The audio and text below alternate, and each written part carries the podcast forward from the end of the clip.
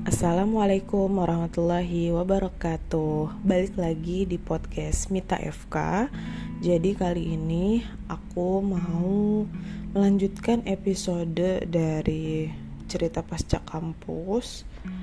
Uh, Di episode kali ini uh, yang pastinya masih lanjutan dari yang sebelumnya.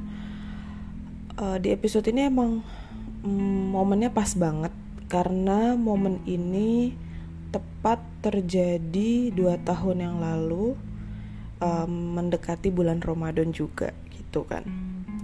Jadi uh, di momen cleansing ini uh, aku merasa bahwa uh, aku menemukan akhirnya petunjuk-petunjuk dan terinspirasi dari beberapa orang.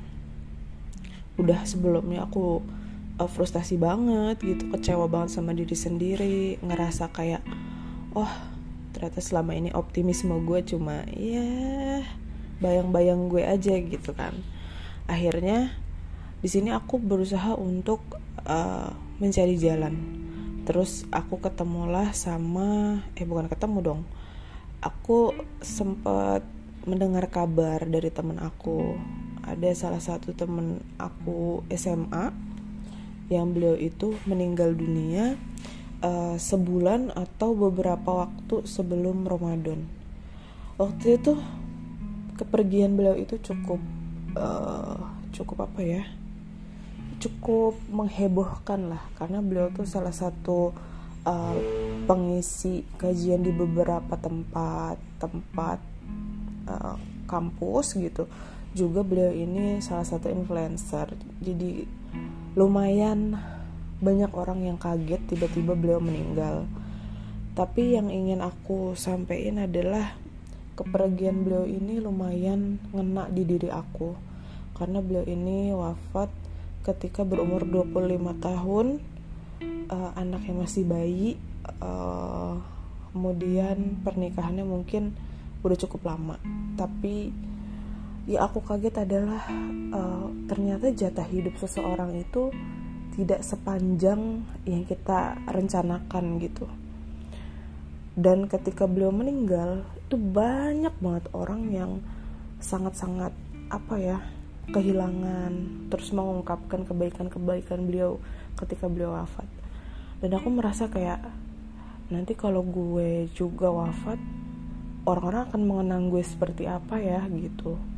Dengan kondisi gue saat ini aja menjalani hidup gue sendiri aja tuh kayak gak jelas banget gitu. Sampai akhirnya dari situ aku menemukan suatu kata. Ternyata bukan satu kata satu kalimat dong. Ternyata uh, kita hidup itu harus ninggalin jejak. Kita hidup itu harus ninggalin legacy atau mewariskan sesuatu yang bisa nanti orang-orang uh, pakai terus orang-orang manfaatkan terus orang-orang uh, apa ya punya value lah untuk orang-orang gitu. Dan itu sangat ngena banget buat aku. Sampai akhirnya aku memutuskan untuk um, membuka podcast ini gitu. Jadi pertama kali akhirnya memutuskan bikin podcast karena aku bercita-cita sebenarnya ketika nanti aku nggak ada semua hal yang aku bagikan di podcast ini bisa jadi hmm, apa ya bisa jadi amalan lah buat aku gitu. Dan akhirnya aku memulai proses cleansing aku dengan aku join ke beberapa komunitas Islam ya. Uh, aku ikut kajian uh, kampus. Pada waktu itu ada kajian salah satu fakultas untuk alumni-alumni fakultasnya itu. Tapi fakultas lain boleh ikut atau orang umum boleh ikut. Akhirnya di situ aku ikut uh, kajian fakultas tersebut uh, aku bisa bilang mungkin setahun lebih ya aku ikut. Dan itu kajiannya dari Senin sampai Kamis tiap sore. Karena waktu itu aku gabut belum punya kerjaan jadi aku rutin sekali mengikuti kajian itu. Bahkan ketika Ramadan itu jadwalnya kayaknya dipadetin lagi. Nggak cuma empat hari mungkin sekitar lima hari atau uh, lebih ya aku lupa. Cuma yang cukup uh, dari kajian fakultas itu adalah itu ngebooster banget aku buat uh, belajar. Ternyata aku excited banget dengan belajar hal-hal yang agamis gitu dengan hal-hal yang religius gitu. Terus aku ketemu orang-orang baru aku bisa tanya jawab sama ustadz tentang kegundahan dan kegalauan hidup aku. Aku bisa tanya sebenarnya hmm, bagaimana sih hidup yang Allah ridoin itu? Kayak gitulah pertanyaan-pertanyaan aku dulu ya waktu kajian. Terus aku juga ikut salah satu kajian komunitas yang udah cukup gede juga. Uh, itu setiap habis subuh. Dan itu tiap hari selama bulan Ramadan. Jadi pagi aku kajian di komunitas sore aku kajian di uh, fakultas kampus aku ya. Uh, dari situ akhirnya mulailah aku semangat lagi nih. Mulai semangat lagi mulai ngerasa oh ternyata gue tuh nggak perlu pusing gitu ketika gue ngerasa gue nggak punya tujuan. Ternyata gue bisa memakai tujuan-tujuan penciptaan gue sebagai manusia.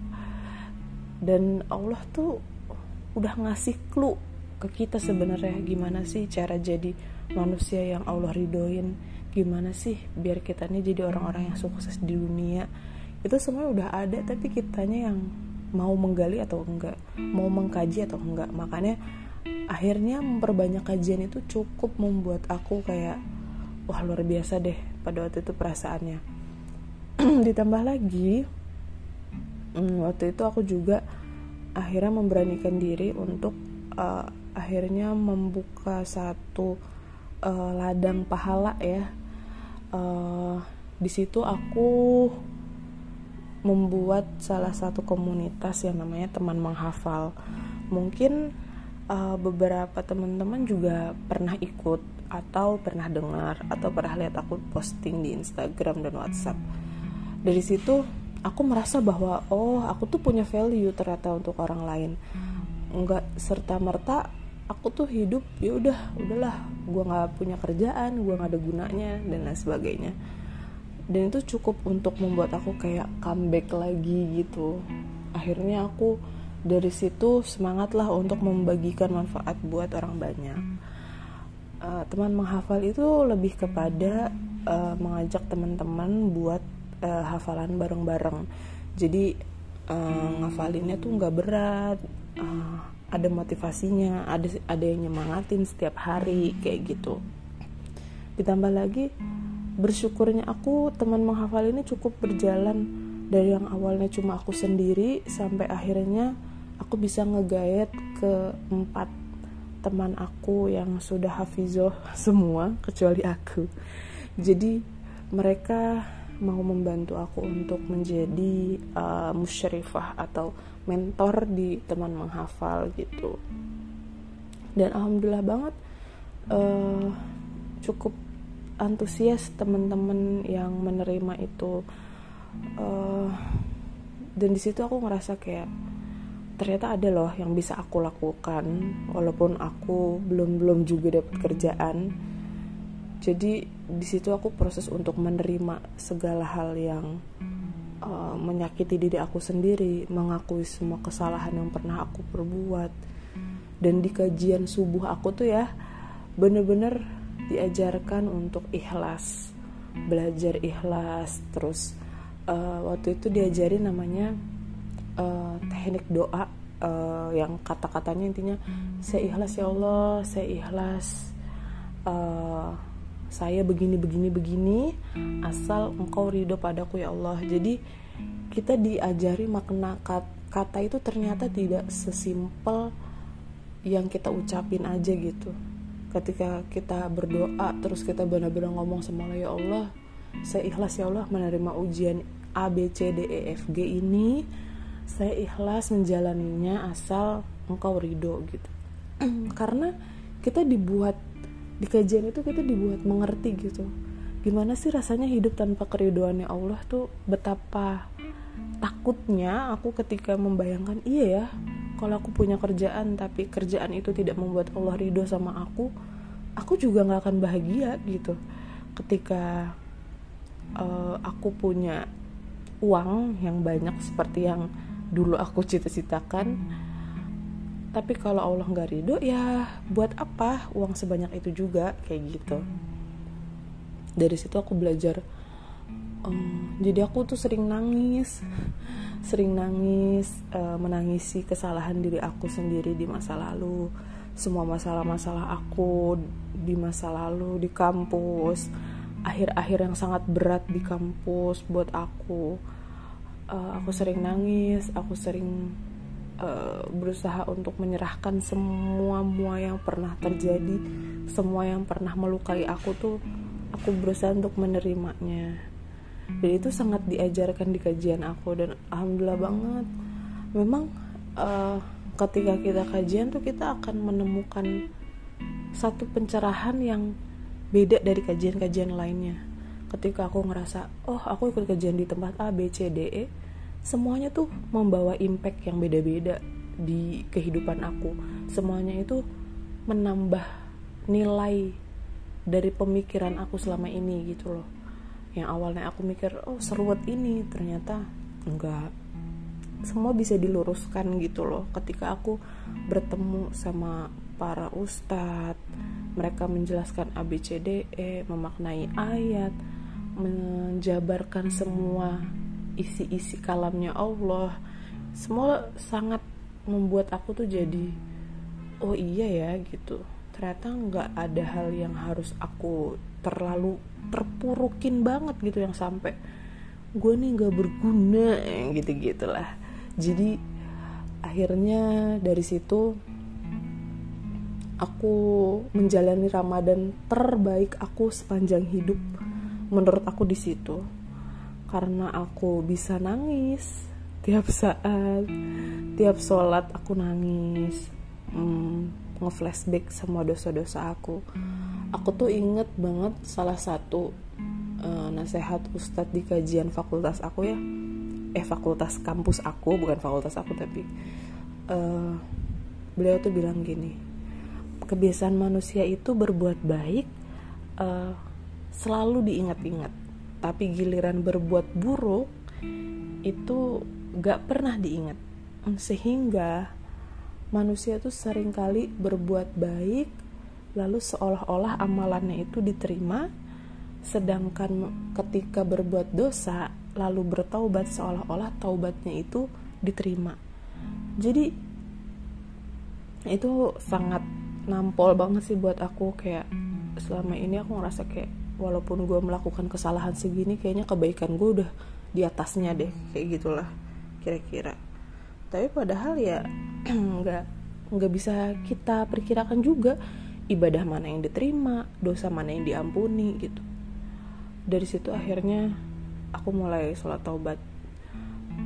Berusaha untuk merubah diri berusaha untuk semuanya benar-benar ibaratnya benar-benar bongkar semualah renovasi diri aku sendiri. Kayak mulai meluruskan lagi niat-niat mulai meluruskan lagi yang bengkok mulai memperbaiki interaksi aku sama Al-Quran yang parah banget ya selama di kampus tuh kayaknya. Parah banget cuma bisa tilawah doang. Kayaknya ibaratnya kayak aku tuh ngerasa Allah nih lagi nyapa aku ayo balik nih ayo balik ayo balik sini aku di sini aku deket gitu. Jadi kayak perasaan-perasaan itu yang aku kangenin banget sampai sekarang. Aku pun masih suka kangen kapan ya aku Ramadan bisa sebaik itu lagi gitu. Ketika itikaf walaupun waktu itu itikafnya di rumah karena udah pandemi tapi itikafnya masya Allah bisa sehusyuk itu bisa nangis bisa uh, kayak ngerasa ngobrol langsung sama Allah gitu. Ya Allah aku begini. Allah ya Allah ya Allah. Jadi sampai uh, temen aku tuh ada yang temenan di WhatsApp sama mama aku. Temen aku bilang mit emak lo tuh kalau nulis status tentang lo pasti posisinya lo lagi ngaji ya. Kayaknya kerjaan lo selama nganggur tuh cuma ngaji doang ngaji doang ngaji doang gitu kata dia. Terus ya terus aku jawab ternyata di fase itu aku menemukan bahwa gak ada satupun yang bisa menemani aku di masa-masa tersulit hidup aku itu kecuali Al-Quran gitu loh. Ketika aku susah, aku gundah, aku galau jawabannya ada di Quran. Aku menemukan tanda-tandanya aku menemukan jawaban-jawabannya di Quran. Akhirnya aku ngerasa ya lu nggak boleh kayak gini lagi mit. Lu nggak boleh lagi ngejauhin Quran lu nggak boleh lagi cuek sama Quran. Lu harus bener-bener sempetin waktu. Lo harus bener-bener berinteraksi sama Quran karena dia satu-satunya yang gak akan pernah ninggalin lo sampai kapan pun gitu. Dari situlah aku belajar untuk bener-bener berubah jadi mita yang lebih baik. Dan semoga di Ramadan kali ini kita juga dikasih kesempatan untuk menikmati manisnya Ramadan. Menikmati uh, bagaimana nikmatnya menjalin Ramadan ini dan benar-benar hikmat. Benar-benar ya Allah ya Allah ya Allah. Itu masya Allah banget rasanya. Jadi uh, semoga uh, di ibadah Ramadan kali ini benar-benar luar biasa buat kita semua. Dan itu aja yang bisa aku ceritain untuk episode cleansing kali ini. Semoga uh, teman-teman bisa membukakan pintu maaf untuk aku apabila ada hal-hal yang kurang mengenakan atau ada hal-hal yang kurang tepat. Segitu aja teman-teman. Sekian. Assalamualaikum warahmatullahi wabarakatuh Thank you.